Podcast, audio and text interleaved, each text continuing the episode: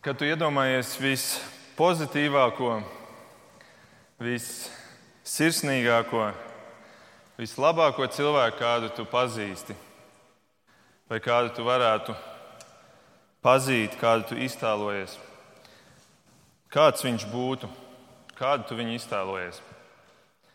Kas ir tāda varbūt rakstura zīme šim pozitīvismam, šim labumam šajā cilvēkā?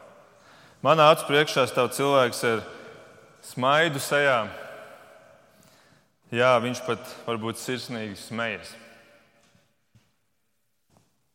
Varbūt ir ironiski, ka, ja mēs atceramies, kurš tad ir bijis vispozitīvākais, viss sirsnīgākais, vispatiesākais, vislabākais cilvēks šajā pasaulē. Patiesībā vienīgais cilvēks, kurš ir bijis pilnībā labs - Jēzus Kristus. Ironiski, ka Bībele nereizi, nereizi nepiemin, ka viņš būtu smējies. Nereizi nepiemin, ka viņš būtu smējies. Viņš bez šaubām to darīja smaidīja un smējās savā dzīvē, savā dzīves gaitās. Tomēr svētais gars ir kaut kāda iemesla dēļ izvēlējies to nereiz neiekļaut Bībelē. Acīm redzot, Jēzus misija bija pārāk nopietna. Pārāk nopietna, lai iekļautu šādu faktu par viņu. Bet interesanti, ka kaut arī Jēzus nesmējās. Jēzus tēvs gan smējās. Dieva tēva smiekli ir atrodami Bībelē. Piecas reizes Bībelē saka vai piemin, kā Dievs smējas. Un viena no šīm vietām viņš to dara. Dievs Tēvs smējās saistībā ar Jēzus dzimšanu, saistībā ar Jēzus piedzimšanu. Mēs varētu domāt, acīm redzot, tas ir bijis tik priecīgs notikums Dievam Tēvam, ka viņam ir bijis iemesls priecāties, smieties. Vai ne? Paskatīsimies, vai tā ir. Runa ir par otro psalmu. Šodien mēs domāsim par otro psalmu, turpinot mūsu adventa laika svētdienas sēriju, kurai nosaukums ir dots Mākslā vajag telpu. Un Dieva māksla ļoti plašs jēdziens, ļoti daudzpusīga. Un mēs arī esam izlēmuši dzēju iekļaut mākslas žanrā. Dieva dzēja, jeb psalmi. Girts teica, ka mēs katrs ņemsim savu mīļāko psalmu. Mans mīļākais psalms ir 119. Un tie, kurš zina, šim psalmam ir 164 panti. Garākā nodaļa Bībelē. Un, tā kā jūs zinat, mana pieeja svētdienām parasti ir mēģināt izskaidrot šo Bībeles tekstu, tad es izlēmu jūs pasaudzēt šodien. Bet arī otrais psalms ir īsts smagsvars. Varbūt ne kvantitatīvi, bet kvalitatīvi. Īsts smagsvars, un jūs to redzēsiet, es ceru. Bet pirms varam to vaļā, es vēlos vēl dažas lietas pieminēt par šo psalmu, lai jūs saprotat, kas tas ir, ko mēs tūlīt lasīsim. Atšķirībā no gandrīz visiem pārējiem psalmiem Bībelē, šim psalmam nav minēts autors. Kurš varētu būt viņa autors? Apstuļu darbos 4, jeb apstuļu darbi 4.25 piedēvē šo psalmu ķēniņam Dāvidam. Tātad Bībele pati mums izskaidro to, kurš ir autors šim tekstam. Un ja Bībele kaut ko izskaidro, tad tas ir uh, uzticams avots. Tiek uzskatīts, ka līdzīgi kā vairums citu Dāvida psalmu, un puse, apmēram puse no psalmiem ir Dāvida autordarbs, apmēr, ka katrs, principā, katrs no šiem Dāvida psalmiem tiek sarakstīts kādā brīdī, kad viņam ir notikums, kāds svarīgs notikums dzīvē, kāds svarīgs pagrieziena punkts. Un arī šis psalms notiek brīdī, kad Dāvids kāpj tronī. Dāvids kāpj tronī. Pēc daudzām kaujām, kuras Dāvids ir izcīnījis, lai vispār tiktu pie ķēniņa troņa, kurā, kurā Dievs viņu ir svaidījis, Viņš ir cīnījies pret tautām, viņam viņš ir veicis vairākas kaujas, un beidzamā kauja ir par Jeruzalemi. Un šo kauju viņš uzvar un viņš ieņem Ciānas kalnu, un viņš kāpj tronī.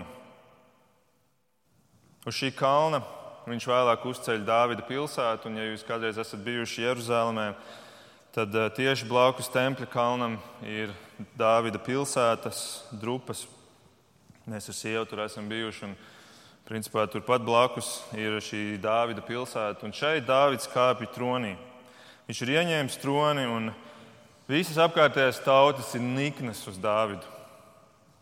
Viņas ir niknas par to, ka viņš ir uzvarējis viņus un ka viņš nu, kāpj šajā tronī Jeruzalemē.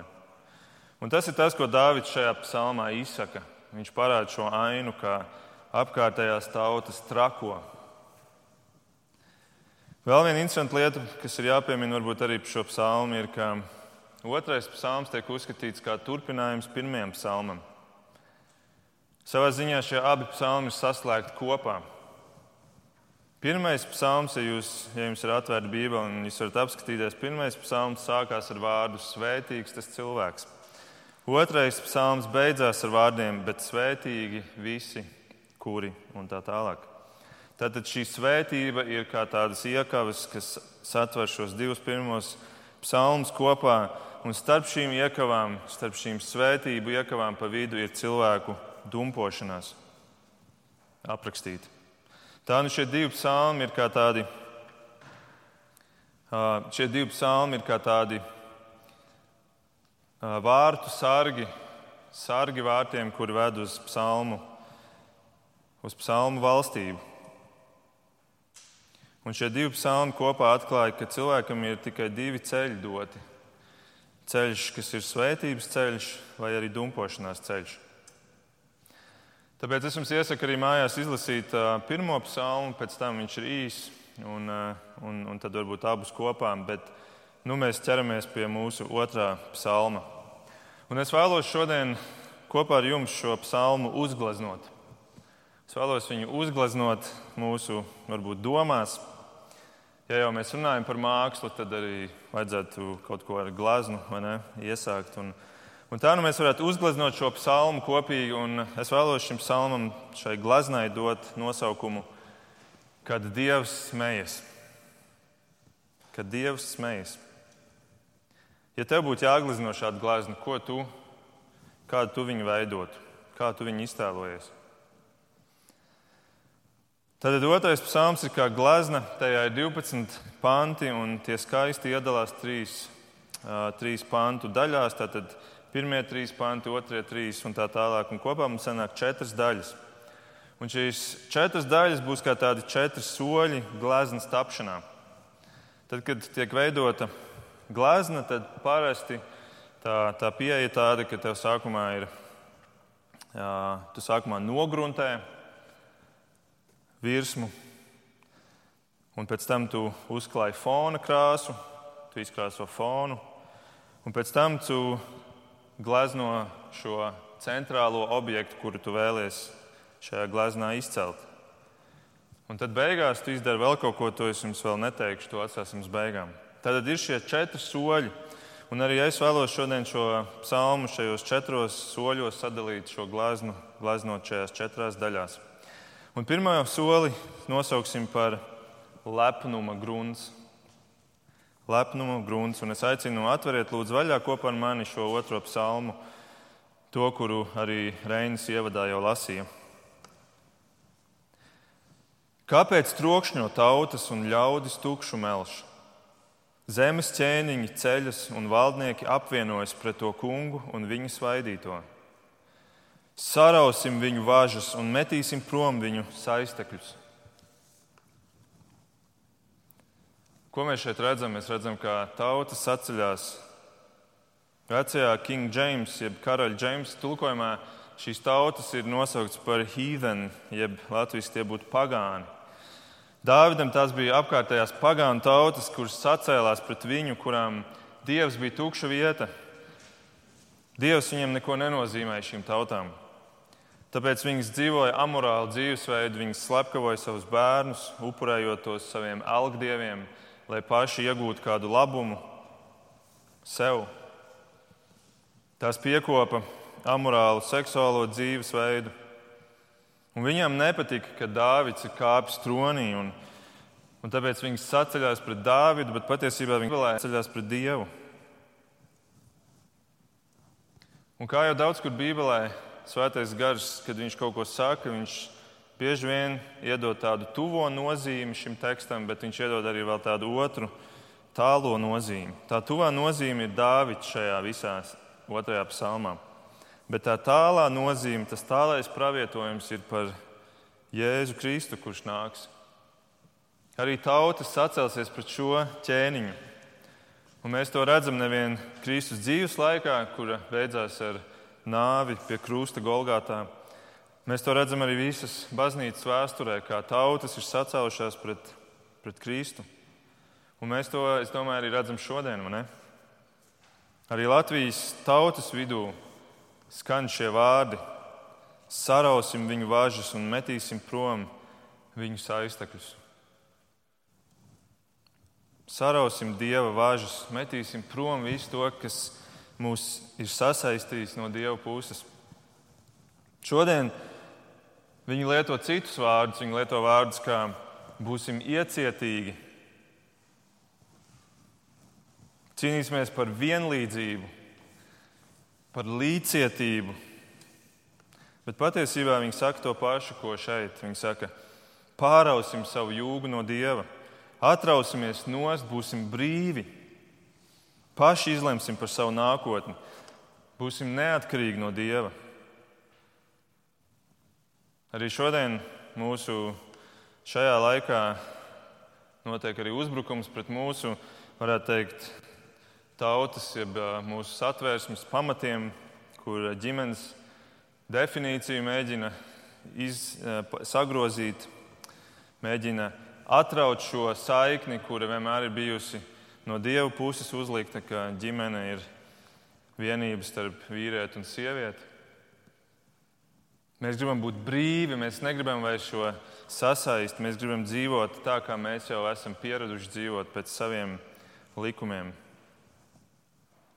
Un, ziniet, varbūt mazliet šokējoši, bet, ja tā padomā, tas rezultāts šodien pasaulē ir tāds, ka Sodoma un Gomora būtu tikai kā ēna šodienas amoralitātei.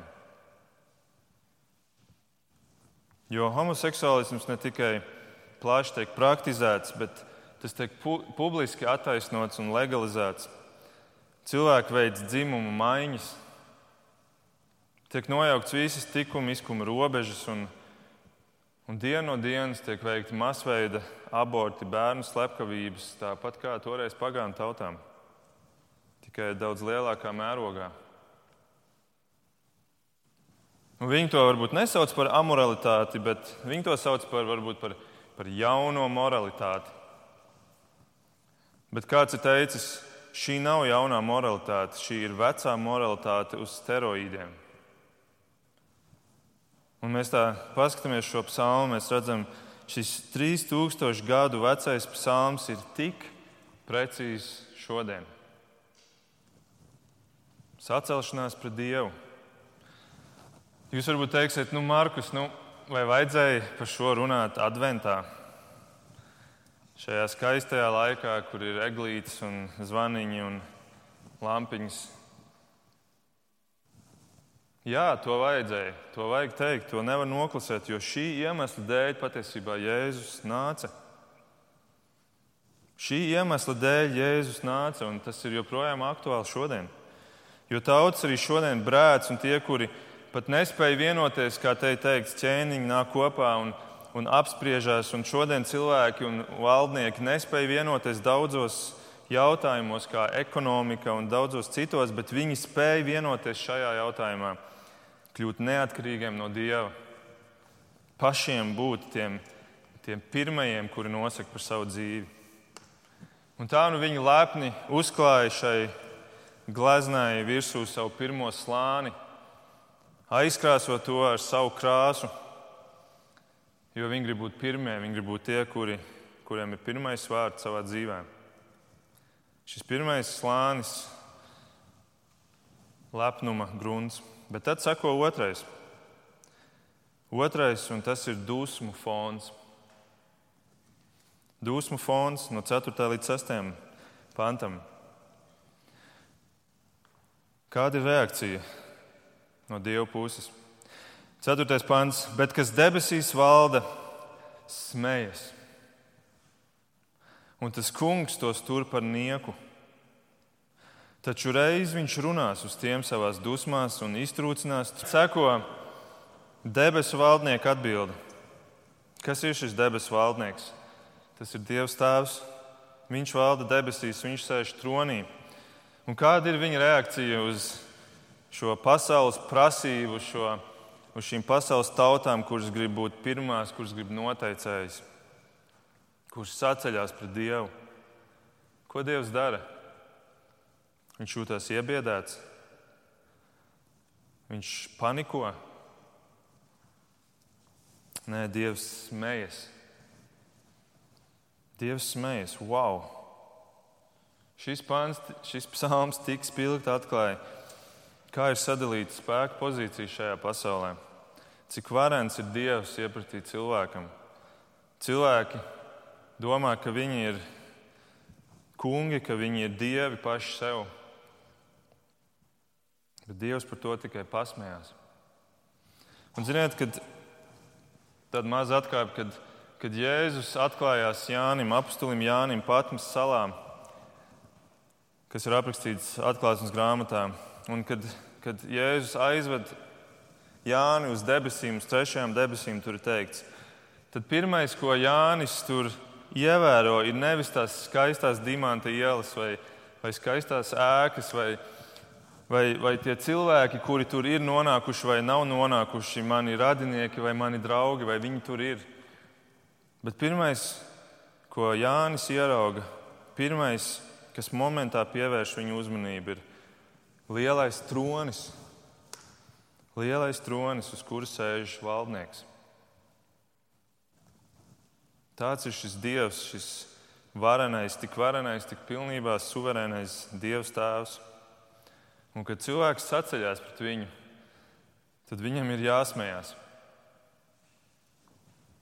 Ziniet, dažreiz zibens iespēja tavā, tajā vietā, kurā tu esi, tavai atrašanās vietai, tik tuvu, ka tas, tas pērkons ir tik spēcīgs, tik skaļš, ar tik, tik dziļu basu, ka uz mirkli pat pieaugušam cilvēkam gribās paslēpties vai ievilkt galvu un, un un, un viņš nobīstās. Un es domāju, pērkons varbūt ir kā tāds dieva sūtīts vēstnesis, kādi varētu būt tā sajūta, ka dievs smējās.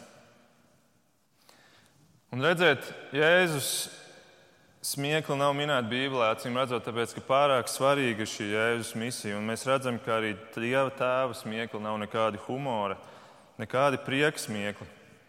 Kad Dievs smējas, tu vari būt drošs, ka tas ir nopietni. Bet tie arī nav tādi ļauni smiekli, tie nav tādi ļaunumi smiekli, kā mēs varbūt iedomājamies, atcerēdamies kādus ļaunos tēlus kādā Holivudas filmā. Kāds Darth Vader zvaigžņu karos vai, vai jebkurš cits. Nē, tie nav, tie nav ļauni smiekli, tie ir drīzāk nožēlas smiekli. Ha, ak, jūs nožēlojamie cilvēki! Ak, jūs nožēlojamie cilvēki! Es teicu, ka Bībele piecas reizes piemin dievu smieklus, un paklausieties vēl kādu no šīm vietām. 37. psalmā, 12. un 13. pantā ir rakstīts šādi: Bezdievīgais gan glūn savā ļaunumā uz taisno un griež zobus pret viņu, bet tas kungs par viņu smējas. Jo viņš redz, ka viņa diena nāks Gan bezdievi paceļ zobenu un uzvelk savu stopu, lai satriektu grūdienus un nabagus un nomaitātu taisnā ceļa gājējus. Bet viņu zobens dursies viņu pašu sirdī, un viņu stops salūzīs. Redziet, Dievs smējas, jo tie, kur nostājās pret Dievu, patiesībā nostājās paši pret sevi. Viņi iet bojā savas paša neprātīgās izvēles dēļ. kā te teikts, viņu zobens duras viņu pašu sirdī. Nav jāvaino Dievs par šo. Tā ir viņu pašu izvēle, tas ir viņu pašu zobens, kuru viņi vicina. Vai vēl viens psalms, kurā ir minēta dievi smiešanās, 59. psalms. Tur teikts tā, redzi, putās ir viņu mutes, zobeni ir uz viņu lūpām, jo viņi saka, kas gan to dzird? Bet tu, kungs, smejies par viņiem, tu vīpsnā par visām tām tautām. Un vēl viena vieta, Salmana pamācības 1, 24, no 24. panta. Dievs saka, kad es nu saucu un jūs kavējaties uzklausīt mani, kad es izstiepu tagad savu roku un neviens nelieks par to nezinis. Izklausās pēc mūsdienu paudzes, vai ne? Un neviens nelieks par to nezinis. Un kad jūs nicināt manus padomus un nebēdājat par manu pārmācību, tad es smiešos par jums, kad jums nelabi klāsies, un zobošos par jums, ja jums pienāks tas, no kā jūs bīstaties. Un kad pāri jums nāks kā vētra tas, ko jūs baidāties, un jūsu nelaime jums ies pāri kā negaiss, un kad jūs vispār pārņems līkstas un bēdas, tik ļoti izklausās pēc mūsu šī brīža Covid situācijas, pandēmijas, līkstas un bēdas. Kad jūs pārņems līkstas un bēdas, tad viņi mani saugs, bet es neatbildēšu. Viņi cītīgi meklēs mani un neatradīs. Tas tāpēc, ka viņi nonicināja manu mācību un negribēja sajust bijību tā kunga priekšā, ka viņi negribēja manu padomu un nonicināja manu pārmācību. Tad, lai nu viņi bauda no sava ceļa augļiem, un lai attēdās paši sava padoma. Redziet, Dievs ir ļoti pacietīgs Dievs, bet arī viņa pacietībai kādu dienu pienāk gals.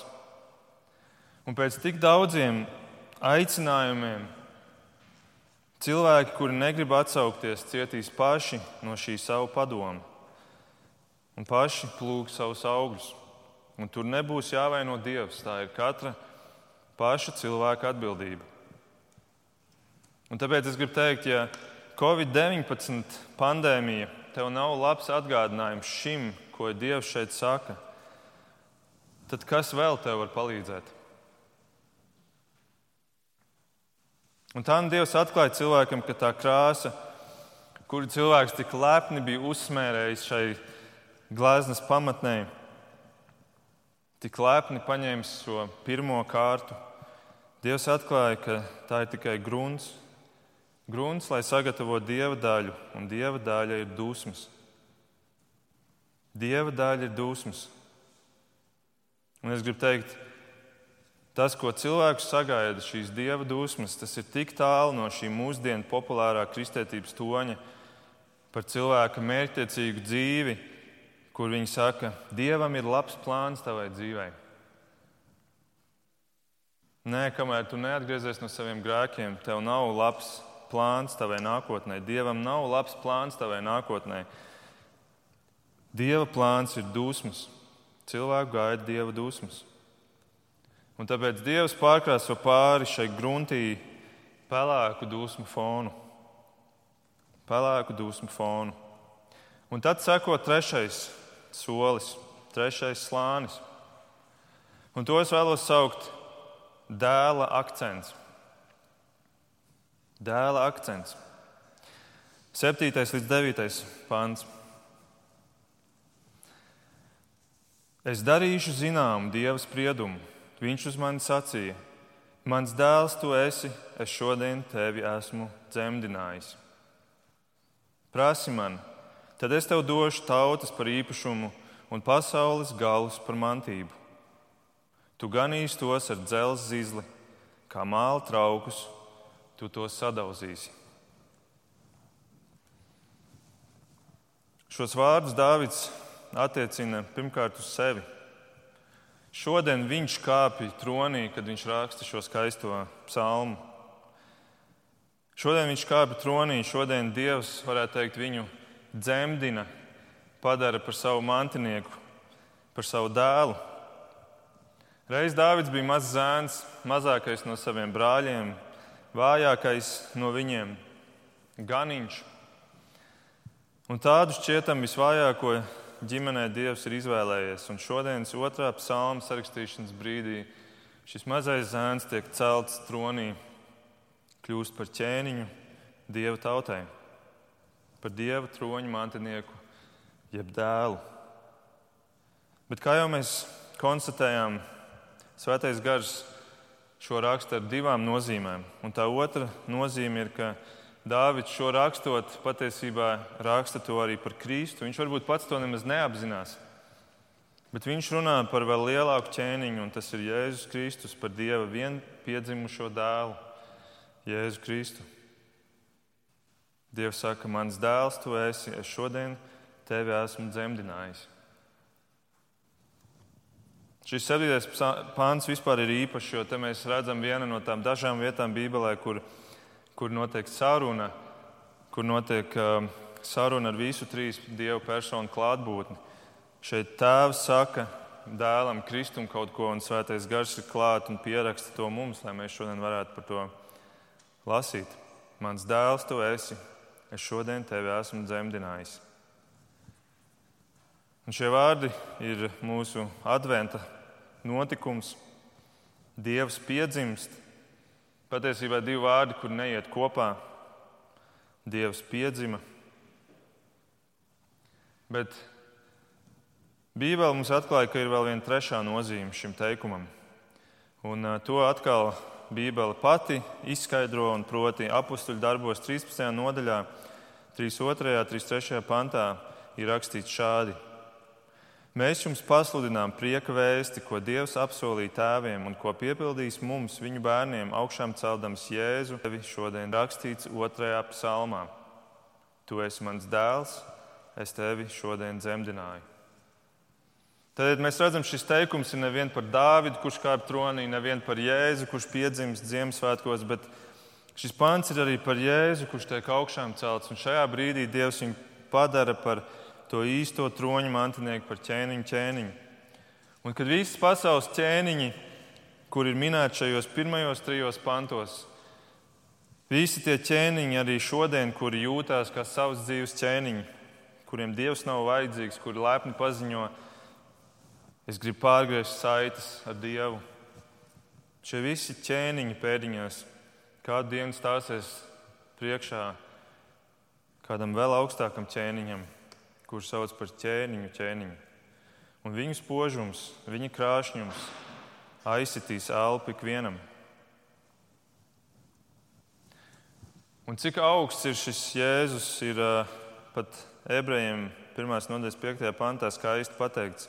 Tur teikts tā, kuram gan no eņģeļiem ir sacīts, tu esi mans dēls, šodien es tevi dzemdināju. Pat eņģelis neviens nestāv klāt, šim Jēzum Kristum. Jo būt dēlam, tas ir tas īstais spožums. Un tas ir tas šajā skaistajā glaznā, tas spožums, kurš parādās uz šī pelēkā fona. Un ko tēvs šeit saka dēlam? 8. pants.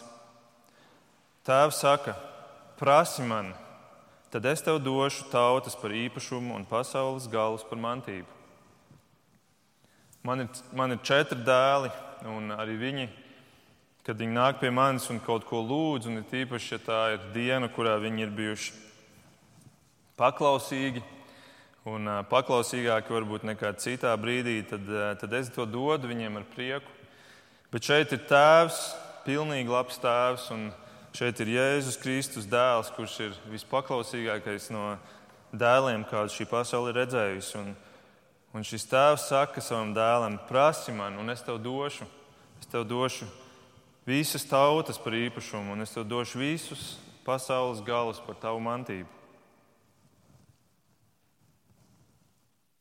Redziet, šīs tautas, kuras tajos pirmajos pantos bija sacēlušās pret Kristu, šeit tēvs viņus atdod savam dēlam. šīs tautas. Un atcerieties, varbūt, ja jūs lasāt šo pantu, atcerieties, kā Jēzus pa tūkstnesi gāja un kā Sātens viņu kārdina. Un viens no šiem kārdinājumiem ir, ka Sātens rāda, skaties, šīs visas tautas, šie, šie, šīs visas zemes, tās visas būs tavs. Bet Sātens ir muļķis, ko viņš atkal kārtībā reizi šeit atklāja, jo viņš nezina, ka Tēvs Jēzum to visu jau ir devis.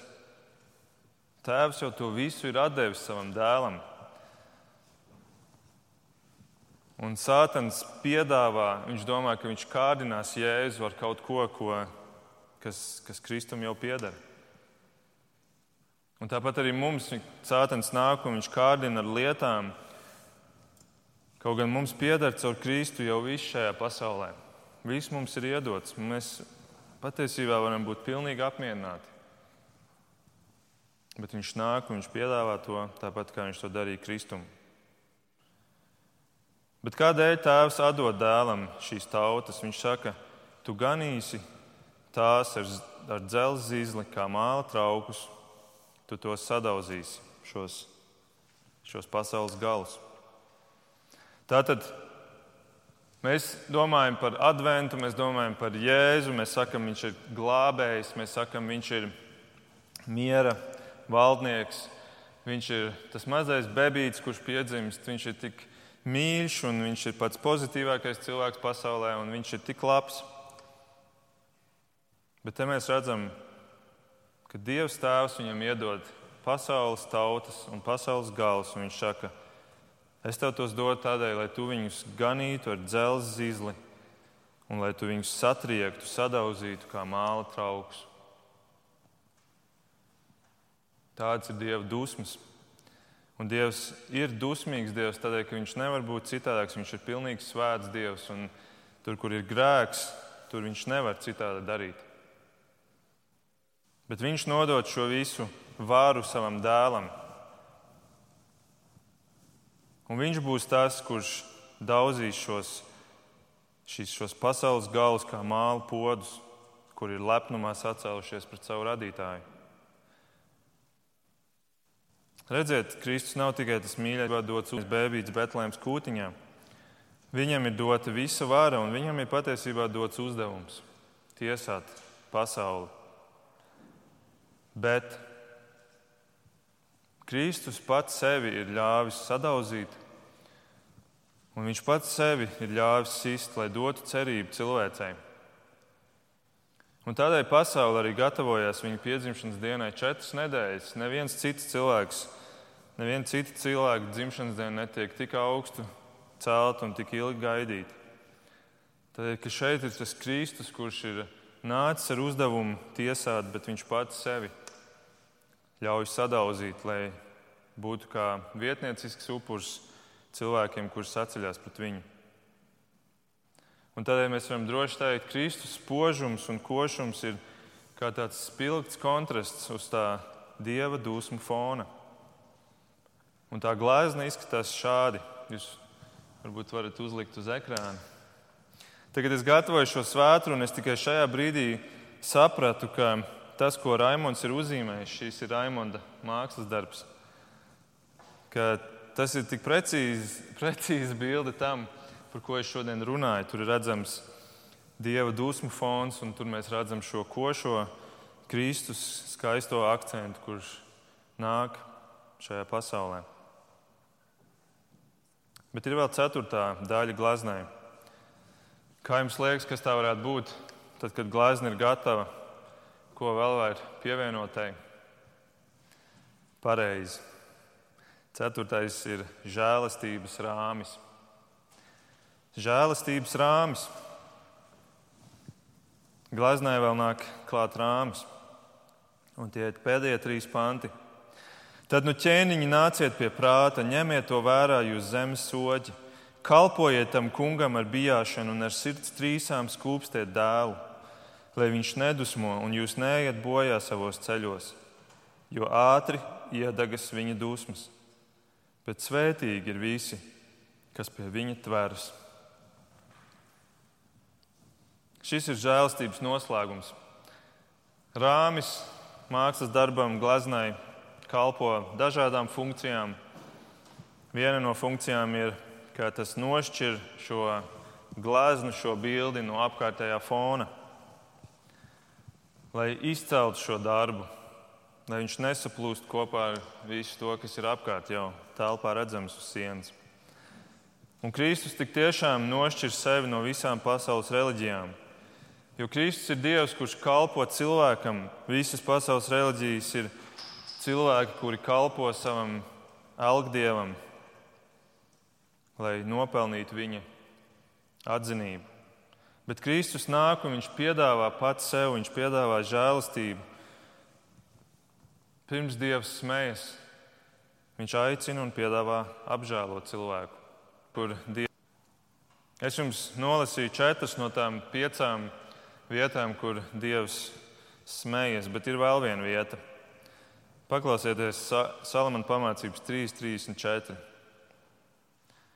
Viņš izsmies smējējus, bet nelaimīgiem viņš piešķirs savu žēlastību. Žēlastība nenāk tāpat vien, žēlastība nāk nelaimīgajiem. Un nelaimīgi ir tie cilvēki, kuri apzinās, ko viņi darījuši savā dzīvē, kā viņi ir smējušies par Dievu, kā viņi ir sacēlušies pret savu radītāju, pret savu kungu. Tādēļ viņi ir nelaimīgi. Un tādam cilvēkam ir cerība. Un, ziniet, tādu cilvēku Kristus ne tikai paglābs no šī sava dzelzceļa zīžļa, kuru Dievs viņam tēvs ir līdzs rokā. Bet apbrīnojamā kārtā mēs lasām atklāsmes grāmatā divi, ka Jēzus saka šos vārdus. Un tam, kas uzvar, tātad šiem, nabag, šiem nelaimīgiem cilvēkiem, kuri, kuri griežās pie Dieva, tam, kas uzvar, kas dara manus darbus līdz galam, es došu varu pār tautām. Pār tautām, atkal tās tautas. Es došu varu pār tautām. Un viņš, šis cilvēks, kurš uzvar šis kristietis, šis dieva bērns, viņš tās ganīs ar dzelzceļa zīzli, kā māla trauku sadauza. Kā arī es esmu saņēmis varu no mana tēva. Redziet, Jēzus Kristus ne tikai paglābi šo cilvēku, bet viņš viņam arī iedod līdzi šo uzdevumu. Tik augsti tiek celti tie, kuri reiz ir izsmējuši Dievu. To sauc par žēlastību, un tā ir tā cerība katram arī šodien. Dāvids saka, tad nu ķēniņi nāciet pie prāta. Šie, šis, šis pēdējā, šī pēdējā daļa, šī, šis rāmis, ķēniņi nāciet pie prāta. Citiem vārdiem, atgriezieties, ļaujiet sev apžēlot, atgriezieties. Mācītājs Āvēta Tauzers ir teicis, cilvēkiem uz zemes riebis dzirdēt vārdu atgriezies, bet cilvēki ellē vēlētos kaut viņi dzirdētu to vēl vienu reizi. Atgriezieties! Un 11. pantā kalpojiet tam kungam ar bijāšanu un ar sirds trīsām skūpstiet dēlu. Skūpstiet dēlu. Varbūt mēs iztēlojamies tādu, tādu draugu skūpstu, kur, kur mēs apkampjam Jēzu kā savu draugu un skūpstam viņu. Bet te jāsaprot, ir vēsturiskā nozīme. Un, un vēsturiskā nozīme ir tāda, ka kāds ķēniņš iekaroja kādu citu uh, valsti un, un pakļāva to otru ķēniņu, tad šis tronis zaudējušais ķēniņš tika atvilkts pie šiem bija ķēniņa, no, nostumts uz ceļiem, un viņam bija jānoskūpsta šis jaunais ķēniņš. Bet jānoskūpsta viņa kājas. Un tā bija zīme, ka viņš pakļāvās šim jaunajam ķēniņam. Tas ir tas, kas šeit ir teikts. Un tad, kad Reinis lasīja ievadā savu vecā, veco tulkojumu, kas ir vēl vecāks nekā mans vecais tulkojums. Turpat bija teikts, ka skūpstiet kājas. Redzēt, žēlastība nāk, bet tā nāk tikai caur to, ka tu iecel Kristu par savas dzīves kungu un tu iecel viņu savas dzīves tronī. Tāda lūk ir šī otrā psalma glezna. Cilvēka lepnuma nogruntēta, dieva dusmu pārkrāsota, dieva dēla izdaļota un žēlastībā ierāmēta. Paņem un pieliec šo gleznu sev pie sienas, lai tā tev katru dienu atgādina, kādēļ mēs svinam adventu šodien, kādēļ mēs gaidām. Jo gaidītais Kristus ir tik ļoti vajadzīgs arī šodien cilvēcei, tautām. Jo tikai Viņš spēja glābt cilvēku, un mēs varam jautāt, glābt no kā? No elles, no vēlna, no sevis paša. Atbilde ir nē, glābt no paša dieva. Glābt no dieva, no svētā dieva. Un no svētā dieva glābt var tikai pats dievs. Un tas ir tas, kas notiek Kristum atnākot uz šo pasauli. Un, tādēļ es jums novēlu pateicības pilnu otro adventu. Ja jūs pazīstat šo Kristu, jums ir pamats būt pateicīgiem. Lūksim. Debes Tēvs, paldies par šiem vārdiem, kurus Tu mums esi devis. Bībele ir tik dārga, un mēs pavirši to lasot, tik maz no tās varbūt redzam un iegūstam. Bet, kad mēs ieklausāmies Tavos vārdos un, un dodam laiku, lai, lai domātu par tiem, Kungs, paldies, ka mēs Tev varam izdarīt tevi iepazīt, tevi ieraudzīt, cik tu esi liels un svēts, un ieraudzīt arī sevi pašus tavā gaismā un ieraudzīt, kas mēs esam. Ieraudzīt arī, kā mēs dumpojamies pret tevi, kā mēs stājamies tev pretī. Un paldies, Kungs, ka visiem cilvēkiem ir cerība, visiem, kuri vēl dzird šos vārdus, atgriezies. Un lūdzu, dod, Kungs, ka arī šajā adventā būtu cilvēki, kuri grieztos pie tevis, Kristu, lai tu varētu glābt, tu Dievs varētu glābt viņus no Dieva dusmām. Tā ir mūsu lūkšana arī par mūsu pilsētu, Rīgu, par mūsu zemi, Latviju. Lūdzu, es arī ar mūsu tautu, kuru mīl dumpoties pret tevi, kungs, bet kurai ir cerība caur tevi, Jēzu. Amen.